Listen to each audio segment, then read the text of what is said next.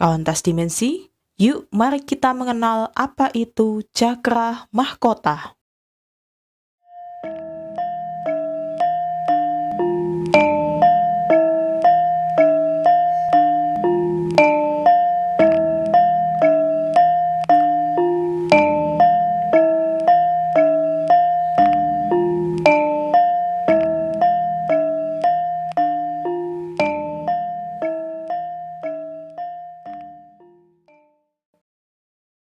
Chakra yang terakhir kita bahas ini paling akhir ya kauntas dimensi. Tapi bukan berarti ini adalah pembahasan terakhir gitu. Hanya cakra paling akhir yang kita bahas yaitu adalah cakra mahkota.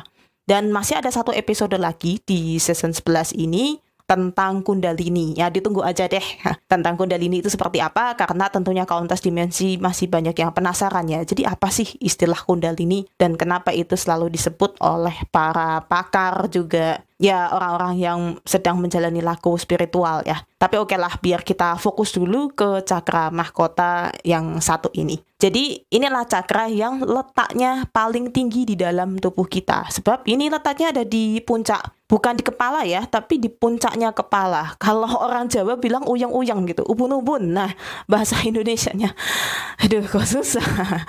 bahasa Indonesianya tuh ubun-ubun gitu. Dan cakra mahkota inilah yang membuat hidup kita itu itu selalu terhubung dengan Tuhan. Bukan berarti hidup kita jadi pasrah, ah udah deh gitu. Semuanya kan sudah di ditangani oleh Tuhan. Ya bukan seperti itu. Kita tetap berusaha. Cuma hasilnya atau ya yang terjadi nantinya adalah kita kembalikan kepada Tuhan. Juga tidak ngoyo tidak terlalu ngebet gitu ya di dalam hidup. Harus terjadi gitu. Nggak nggak yang seperti itu. Jadi setelah berusaha lepaskan. Setelah berusaha udah gitu itu kauntas dimensi dan cakra ini kalau sebetulnya energinya baik ya itu banyak orang yang terhindar dari stres yang berkepanjangan malahan sebetulnya kalau energinya baik. Nah, tapi biasanya energinya itu ada dua kemungkinan. Apalagi yang terjadi di saat ini juga, saya juga menyadari sih duanya itu tentunya adalah yang kekurangan atau yang mampet dan yang satu lagi yang bocor. Nah, kalau mampet sebetulnya bahayanya ini ya, kalau dia mampet itu akan menyebabkan kita merasa aduh hidup kok suram ya. Masalah ini belum selesai, ada masalah lagi, ada masalah lagi. Iya namanya hidup gitu kan. Kita nggak bisa hidup terus nggak ada masalah itu lucu gitu. Apa ya? kalau nggak ada masalah itu berarti orang mati malahan. Tapi kalau kita hidup pasti kita akan menemui masalah meskipun itu sesuatu hal yang kecil. Tetapi kalau orang dengan cakra mahkota yang energinya buruk ya atau energinya ini terlalu kecil maka dia akan menyatakan pada dirinya aduh hidup saya kok terlalu sial sekali gitu kan. Masalah lagi masalah lagi. Ini belum sempat saya selesaikan udah masalah. Dan uh, jalan berpikirnya sempit gitu ya. Orang yang cakra mahkotanya ini energinya kecil gitu kan. Atau mampet lah enak kita sebut ya. Dan ini bisa berakibat stres. Kalau sudah stres maaf ngomong ya paling berbahayanya orang akan memutuskan udahlah bunuh diri aja saya males gitu. Karena kok masalah itu nggak pernah selesai gitu di dalam hidup saya. Wah itu paling parah memang sih. Ya jangan ditanya juga ya harusnya jangan bunuh diri atau apa. Orang kalau sudah uh, low ya energi cakra mahkotanya ini akan susah menerima pesan-pesan semacam itu dari orang lain. Pasti dia akan menepis dan bilang ya kamu nggak tahu hidup saya seperti apa. Itu kauntas dimensi. Tapi terlalu berlebihan juga itu pada cakra mahkota itu akan menyebabkan uh, sama seperti cakra asna. Jadi halusinasinya luar biasa kenceng gitu ya. Kalau saya sebutnya sih terlalu besar ini bocor gitu kan. Jadi sebetulnya tubuh manusia sudah nggak mampu lagi untuk menerima karena terlalu terbuka gitu kan. Nah akibatnya kita jadi seolah-olah ini seolah-olah ya gitu. Karena namanya dalam kondisi terhalusinasi oleh pikiran kita sendiri itu seolah-olah kita bisa melihat masa depan. Kemudian kita bisa menyampaikan ke orang-orang gitu merasa bahwa wah saya harus menyampaikan ini pesan dari Tuhan. Wah ini harus saya peringatkan. Wah kamu jangan begini ini ya ada orang-orang yang semacam itu dan saya juga pernah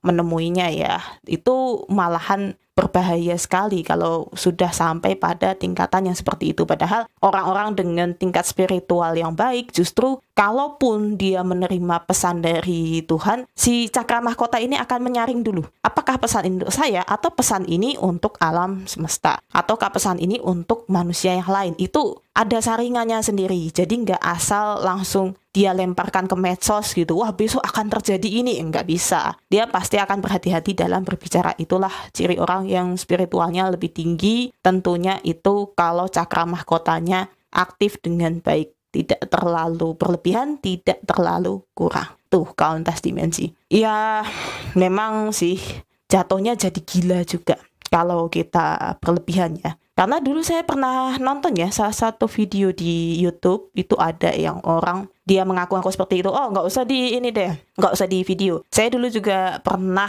ketemu kayaknya masih sering lewat orangnya di sekitaran rumah saya. Jadi tahu-tahu tuh datang awalnya saya pikir apa gitu kan karena mengucapkan salam, assalamualaikum, kemudian ngomong-ngomong sendiri, jangan intinya apa ya? Dia berbicara dalam bahasa Jawa gitu kan, karena orang tua ya ini dalam bahasa Jawa kemudian mengucapkan jangan lupa sholat, jangan lupa apa, jangan lupa ya seperti itu gambarannya ya kalau kita terlalu berlebihan dan kita nggak bisa mengimbangi itu yang akan terjadi. Itu kauntas dimensi. Dan cara mengolah cakra mahkota itu sebetulnya sangat mudah.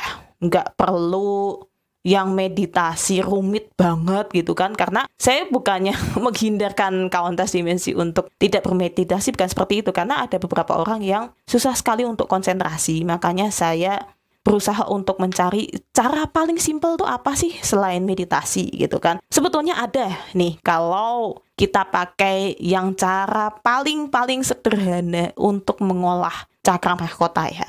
Caranya adalah cukup keluar rumah. Nah apalagi dalam kondisi yang pandemi seperti ini ya karena podcast ini direkam pada saat pandemi itu bisa kita keluar sambil menikmati sinar matahari ya. Dedeh gitu kan istilahnya kalau di Jawa sini gitu kan berjemur gitu. Nah sambil kita menghirup udara segar gitu kan dihirup kemudian dihembuskan pelan-pelan. Nah saat itulah itu akan merasakan kita itu apa ya fresh gitu ya. Wah uh, otak itu rasanya lega gitu. Nah, kalau kita melakukan itu setiap hari gitu kan, itu akan membuat kita itu bisa berpikir jernih gitu. Nggak akan merasa buntu ataupun kita ketemu masalah sedikit saja kita sudah mengutuk diri kita sendiri ya, kita sial apa dan sebagainya. Karena saya dulu juga seperti itu kauntas dimensi.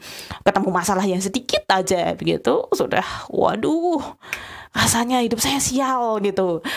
Ya, itu dulu ya saya dulu juga mengalami hal yang semacam itu nah itu caranya bagaimana? Terus sambil berjemur ya kita cukup lima menit aja udah cukup sebetulnya ya. Menghirup udara pagi. Nah paling enak ini sebetulnya waktu subuh ya. Waktu sekitaran jam 5 jam 6 atau kalau misalnya males gitu mau jam 6 jam 7 ya boleh sih gitu kan. Ya nggak usah jauh-jauh di sekitaran rumah gitu. Nggak usah pakai sandal gitu ya. Atau nggak usah pakai alas kaki itu bisa kauntas dimensi Nah, itu yang paling sederhana. Nah, misalnya kauntas dimensi, saya tinggal di apartemen atau saya tinggal di kos-kosan yang lantai tiga, aduh, itu bisa juga kauntas dimensi silahkan bisa beli humidifier gitu kan diisi air atau diisi parfum yang sesuai dengan kesukaan kauntas dimensi apa itu. Saya nggak maksain sih karena aroma setiap orang tuh beda-beda yang disukai ya. Mau aromanya bunga asli, ada yang pakai esen, ada yang cuman minyak kayu putih, macam-macam minyak apa pun itu silahkan dipakai humidifier, dinyalakan biar nanti dia nyebar di ruangan ya di kos-kosan ataupun di apartemen, kemudian lakukan tarik nafas, hembuskan perlahan, ya sebanyak mungkin ya selama lima menit gitu kan. Nggak usah yang keburu gitu kan nanti tarik nafas buang tarik nafas buang juga nggak pelan-pelan gitu dinikmati gitu kan. Karena dengan adanya humidifier ini juga membantu kita ya untuk bisa bernafas lebih baik gitu kan. Nah itu bisa kita lakukan. Jadi jangan dikira kalau kita terhambat untuk bisa keluar dari satu tempat terus kita nggak bisa melakukan satu hal ya itu bisa. Itu kauntas dimensi. Dan cara mengolah lainnya. Nah ini kalau yang bisa keluar rumah ya dan memang di rumah atau mungkin di lingkungan rumahnya ada taman kecil gitu ya yang ada batu-batuannya itu itu bisa dipakai. Jalan aja di situ tanpa sandal sama seperti tadi juga. Mau sambil menghirup nafas juga boleh mau sekedar sambil jalan-jalan aja di supaya kaki itu nginjek ya nginjek batu-batu itu kan. Kalau batu taman itu nggak terlalu tajam ya kalau kerikil kan bahaya. Nanti rasanya cekit-cekit gitu. Tapi kalau batu taman itu kan enak ya. Jadi peredaran darah itu lancar kita kan juga bisa berpikir secara jernih. Itu kontas dimensi. Dan kalau bisa lagi malah saya sarankan lagi langsung ke tanahnya aja juga enak gitu. Karena tanah itu dia menetralisir energi yang tidak terpakai di dalam tubuh kita. Jadi energi yang harusnya dibuang akan masuk ke dalam tanah itu. Nah karena kalau mampet energi cakranya itu kan terjadi akibat memang ada sisa-sisa yang harusnya nggak dipakai ya. Itu masih ngumpul di badan kita. Nah itu yang sering kali aduh istilahnya apa ya? Tapi gini uh, sering kali ada orang yang mengeluhkan padahal saya sudah makan oke okay, multivitamin sudah masuk tapi rasanya selalu lesu selalu capek gitu ya. Maunya tidur. Nah itu salah satu cirinya itu kan bahwa memang ada kumpulan energi yang memang bisa dibilang udah nggak pakai sih itu udah sampah gitu kan. Itu yang harus dinetralisir gitu kan. Kita netralisir dengan tanah dan itu langsung masuk ke dalam bumi. Itu kontes dimensi. Nah simpel ya. Sebetulnya nggak usah yang ribet-ribet. Cukup dengan apa yang ada di sekitar kita gitu kan. Tapi kalau kauntas dimensi memang suka menggunakan cara meditasi silahkan. Ada banyak uh, di podcast kalau nggak salah saya pernah ketemu cara bermeditasi untuk yang cakra mahkota. Dan itu sangat saya sarankan terutama untuk kontes dimensi yang mudah sekali kena stres ya. Tinggal di tempat yang bising atau tinggal di kota yang besar gitu kan. Dan kegiatan tidak pernah berhenti pagi siang sore malam. Nah itu bisa dilakukan dengan cara-cara yang itu tadi. Oke? okay?